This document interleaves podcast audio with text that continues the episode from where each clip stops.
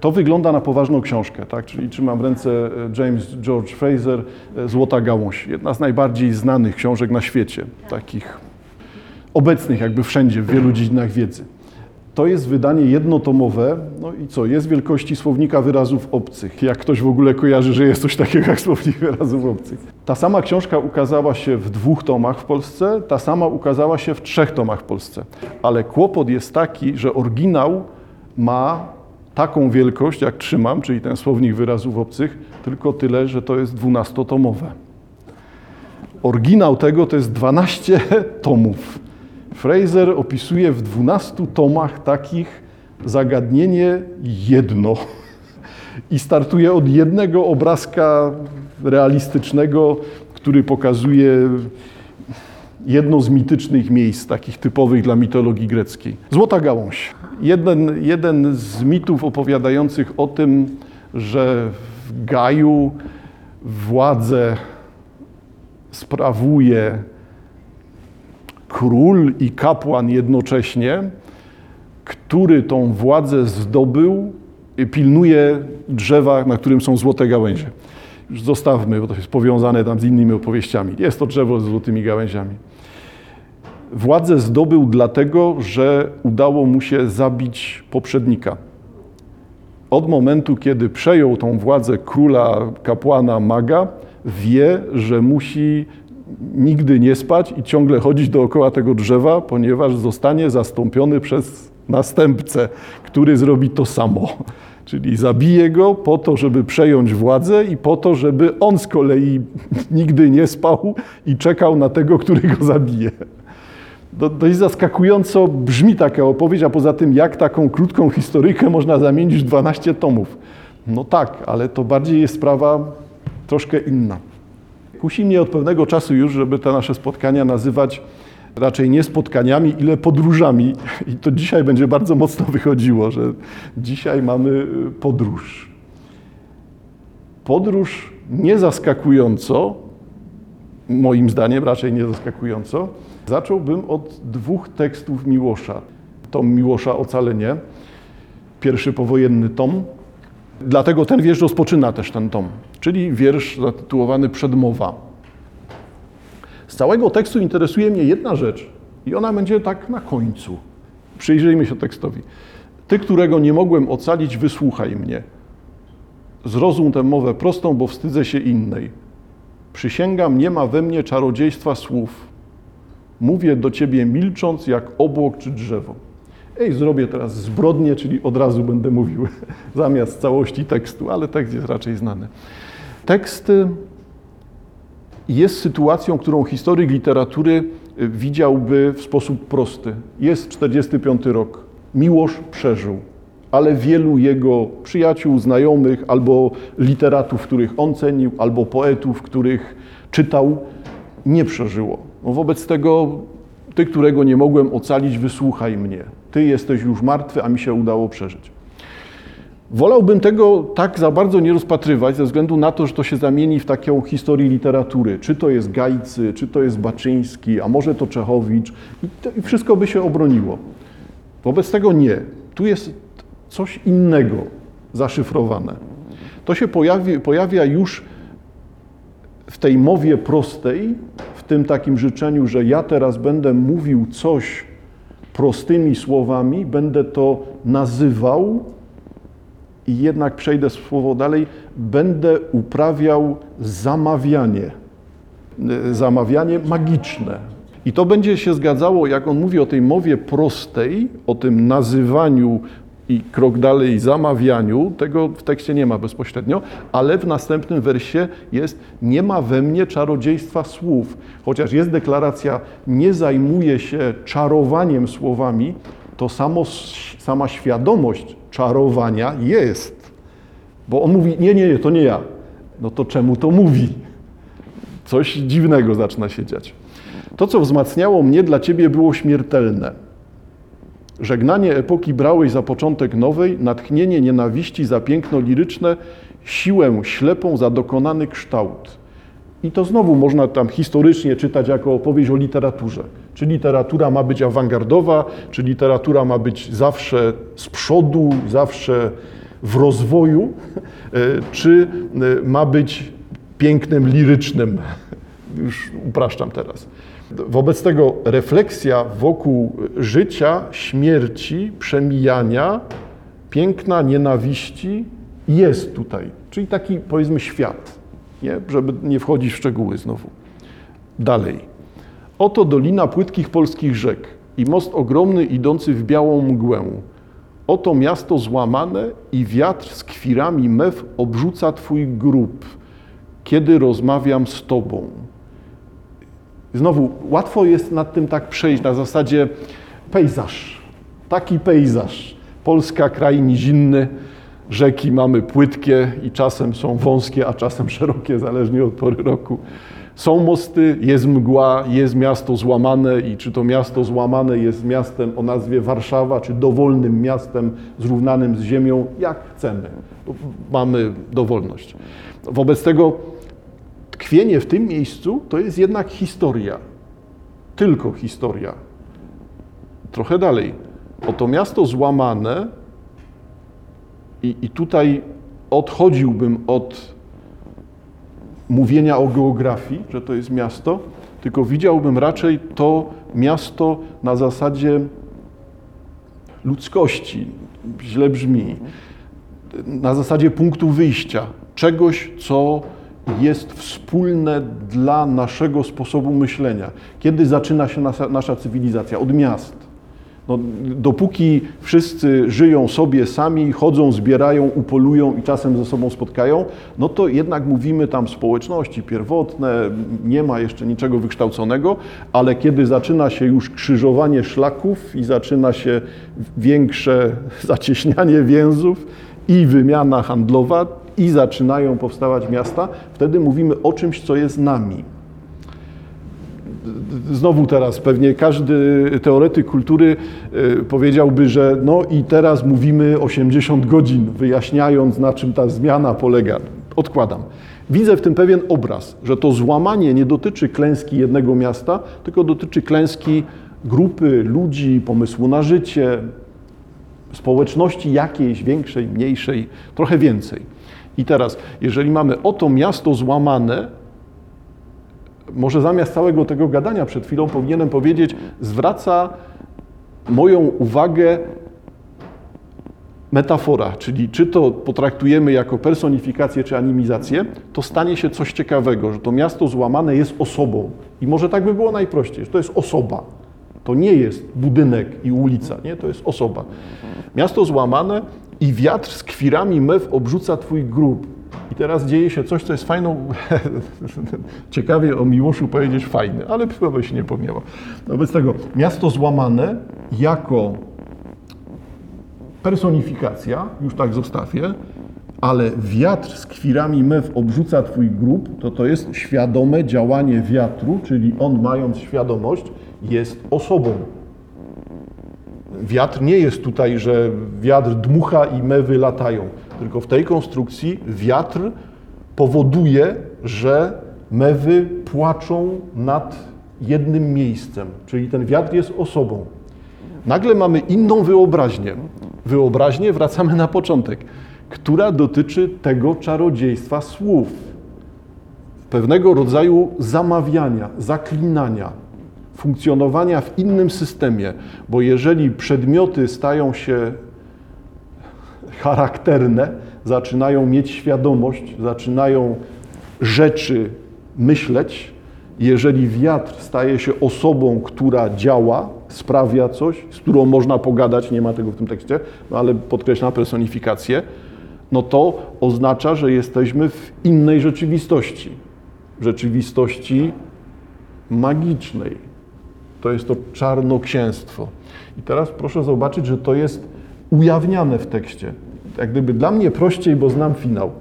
Ale to jest na każdym kroku. Czyli wiatr z kwirami mew obrzuca Twój grób, kiedy rozmawiam z Tobą. I tu już jest coś kolejnego, czyli nie, że mówię do Twojego grobu, wiem, że Ciebie tu nie ma, tylko Ty tu jesteś. Jest świat, który będąc niedostępny moim zmysłom, jest światem istniejącym, prawdziwym. Czyli to nie jest rozmowa ze zjawą albo rozmowa z przewidzeniem, czymś, co wiem, że jest moją wewnętrzną słabością, że mi się wydaje, że z kimś rozmawiam, tylko to jest deklaracja, on tu jest. To życie po śmierci jest oczywistością. Nie ma śmierci w tym systemie. Ktoś znika z tego świata, ale dalej z nim rozmawiamy, istnieje.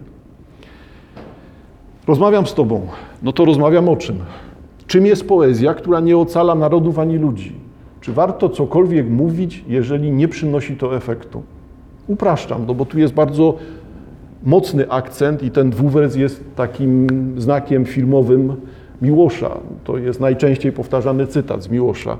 Poezja musi ocalać ludzi, ocalać narodów, narody. Niekoniecznie poezja, tylko język, działanie, mów, mówienie, ten rodzaj twórczości, ekspresji, nie wiem jak to teraz nazwać dokładniej, chyba się nie da tego dokładniej nazwać, bo metafora jest tak uniwersalna. Po prostu poezja jako rodzaj wszystkiego, co jest językiem, ma ocalać. Więc jeżeli nie ocala, no to jest tylko wspólnictwem urzędowych kłamstw, piosenką pijaków, którym ktoś za chwilę poderżnie gardła, czytanką z panieńskiego pokoju. Czyli nic. Inna sprawa, że to jest znowu o języku propagandy, późniejszej nowomowie, wspólnictwem urzędowych kłamstw, e, piosenką pijaków, którym ktoś za chwilę poderżnie gardła na zasadzie, no jednak chyba bez przeproszenia disco polo i wszystkich pokrewnych takich rzeczy, czyli do czego służy literatura. Góralu, czy ci nie żal o trzeciej w nocy na ulicy. To jest literatura. Czytanka z panieńskiego pokoju jako rodzaj sentymentalnej literatury, która też jest literaturą samotną, która nic nie wnosi, jest tylko rozrywką. Ciekawie pokazana przeszłość, ciekawie przewidziana przyszłość tego, co się będzie działo z literaturą tą pustą. To, że chciałem dobrej poezji, nie umiejąc, to, że późno pojąłem jej wybawczy cel, to jest i tylko to jest ocalenie. I tu chodzi o tą deklarację. Ocaleniem jest wiara w moc literatury, krok dalej, wiara w moc języka, słowa. Ale to jaką moc? I wracamy na początek. Magiczną. Tego nie ma w deklaracjach. Tego nie ma wprost tutaj. Ale spójrzmy na ostatnie steryniki. Sypano na mogiły proso albo mak żywiąc z latujących się umarłych ptaki. Tę książkę kładę tu dla Ciebie od dawny, abyś nas odtąd nie nawiedzał więcej. I to, co tu widać w tych czterech linijkach, to jest tak ciężkie, że trudno teraz krótko wyjść. No bo co widać? Wampira, który będzie wychodził z grobu. Będzie się mścił.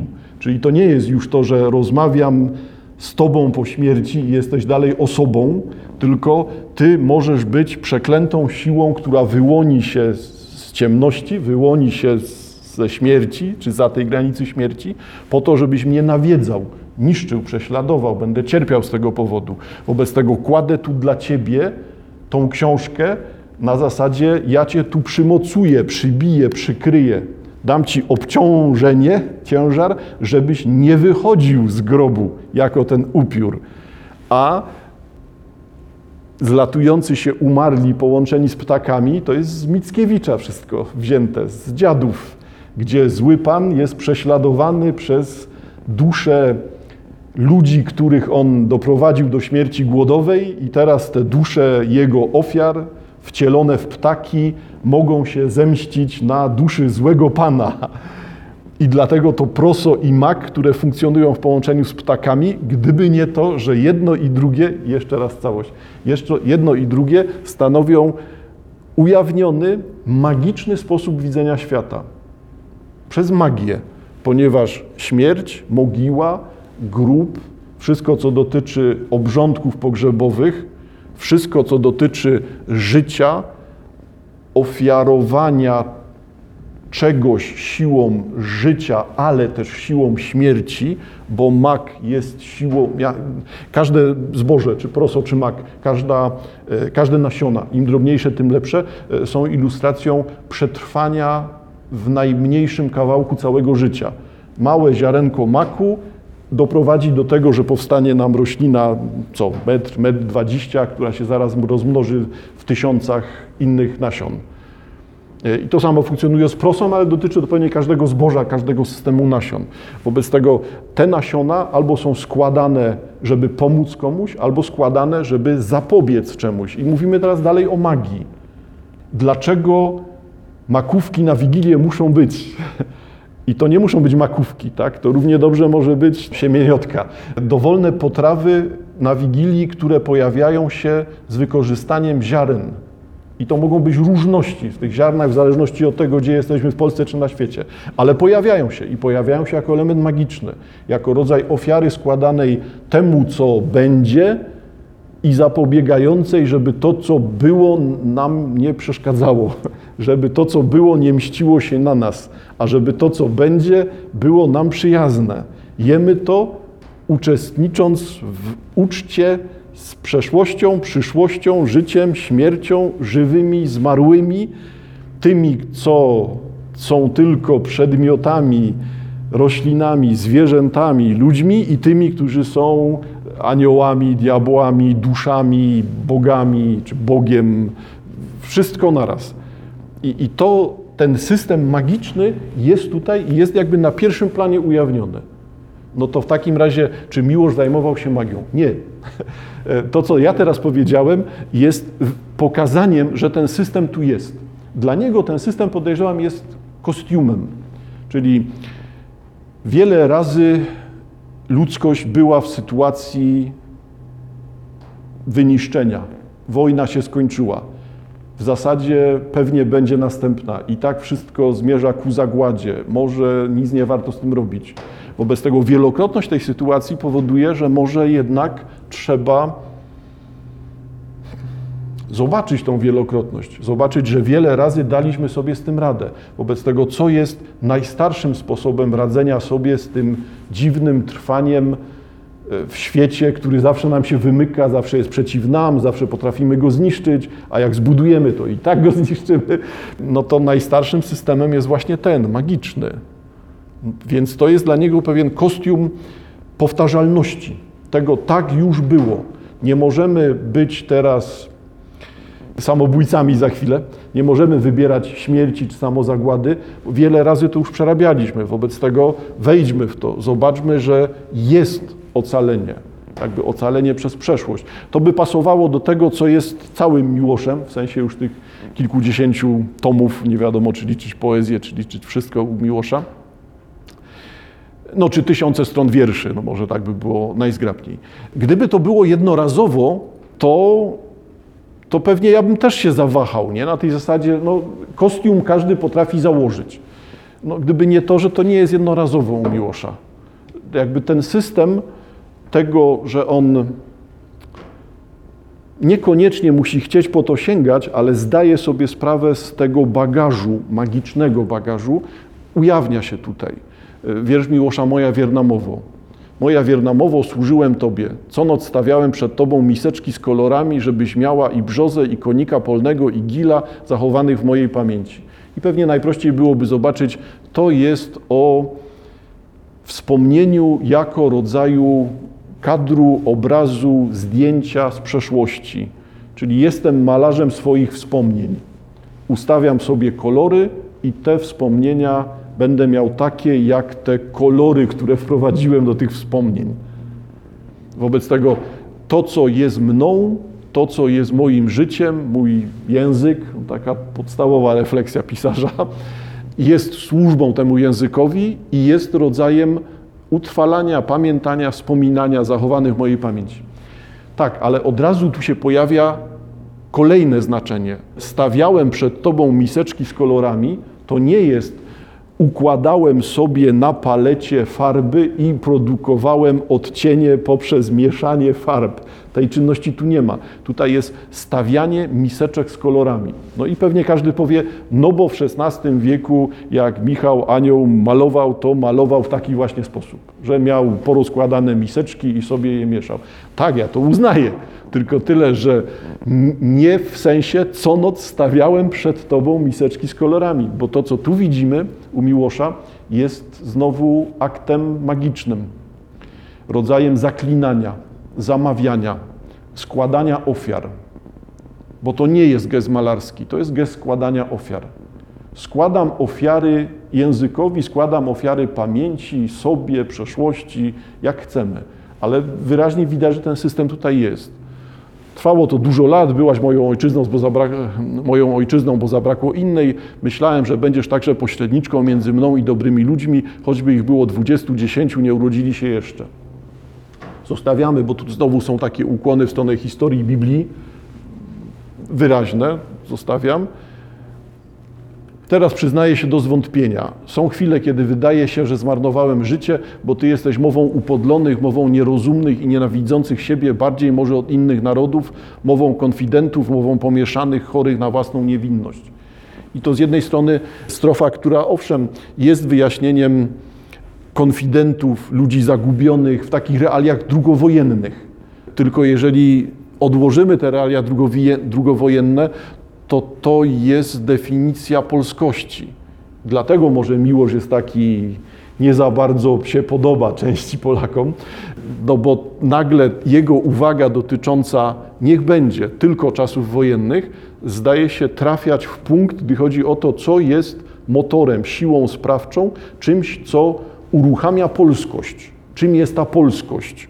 I ta polskość nie ujawnia się w pracowitości na przykład, tylko ujawnia się w tym. Upodleni ludzie, którzy są nierozumni, delikatnie mówiąc, którzy żyją dzięki nienawiści, wybierają nienawiść, nienawidzą bardziej siebie niż innych, chociaż innych też nienawidzą, ale siebie nienawidzą bardziej niż całego otoczenia. Są konfidentami ludzi pomieszanymi, ludźmi pomieszanymi, zagubionymi, niezorientowanymi, pustymi. Czemu pomieszanymi? Dlatego, że to jest ten gest powierzy Babel. Bóg pomieszał ludziom języki. Ludzie nie mogą się porozumieć i dlatego mowa pomieszanych, ci, którzy nie radzą sobie, nie dogadają się, są chorzy na własną niewinność, widzą siebie zawsze białymi, doskonałymi i, i to jest rodzaj choroby akurat. Tak, ale żeby y, znowu było wyraźnie, to miłość siebie wpisuje w to. To jest jego definicja. I równie dobrze możemy powiedzieć, że to jest tylko definicja, co to znaczy być miłoszem, a nie co znaczy być Polakiem, czym jest ta polskość. No to jednak jest najpierw polskość i miłość, który mówi tak, i to jest też moja choroba, też w tym uczestniczę. Bez ciebie kim jestem? Szkolarzem gdzieś w odległym kraju, sukces bez lęku i poniżej, no takim jestem bez ciebie, filozofem takim jak każdy. Bo to już jest ten miłość, który żyje poza Polską i jest już rozpoznawalnym profesorem, publikującym, znanym globalnie. Rozumiem, to ma być moje wychowanie, Gloria indywidualności odjęta, grzesznikowi z moralitetu, czerwony dywan pościela wielki chwał, a, na tym, a w tym samym czasie latarnia magiczna rzuca na płótno obrazy ludzkiej boskiej udręki. Jednocześnie mowa o współczesności Zachodu, Wschodu, cywilizacyjnych zmianach, stąd ta czerwień, która tu się pojawia jako ta dyskusja wschód-zachód. Ale mamy to. Moja, czyli zakończenie tekstu. Moja wierna mowo, może to jednak ja muszę Ciebie ratować więc będę dalej stawiać przed Tobą miseczki z kolorami jasnymi i czystymi, jeżeli to możliwe, bo w nieszczęściu potrzebny jest jakiś ład czy piękno. Skoro nie ma ładu i piękna, to jesteśmy w stanie je wytworzyć. I to może jest coś, co jest takim wyrazistym, miłoszowskim akcentem. Świat, jaki jest, każdy widzi i nie warto się do tego przywiązywać. Ale będąc ludźmi, możemy w ten świat wprowadzić ład, wprowadzić piękno, które jest obce światu. Ono nie istnieje poza człowiekiem. To jest znowu raczej dość oczywiste. Tak? To jest ta dyskusja, czy y, drapieżniki zabijając inne zwierzęta są mordercami. No to, to, jest błąd logiczny. Tak samo i tutaj mamy, tak samo, to znaczy nie, nie znaczy błąd logiczny, tak samo w sensie nie przenośmy pojęć. Świat nie jest związany z ładem czy pięknem, bo dopiero obecność człowieka wprowadza ten wartości, wolałbym może punkty widzenia, sposoby widzenia świata. Ale wracamy do tego, co było wyżej. Dalej stawiać przed Tobą miseczki z kolorami. Magia jest językiem trwałym.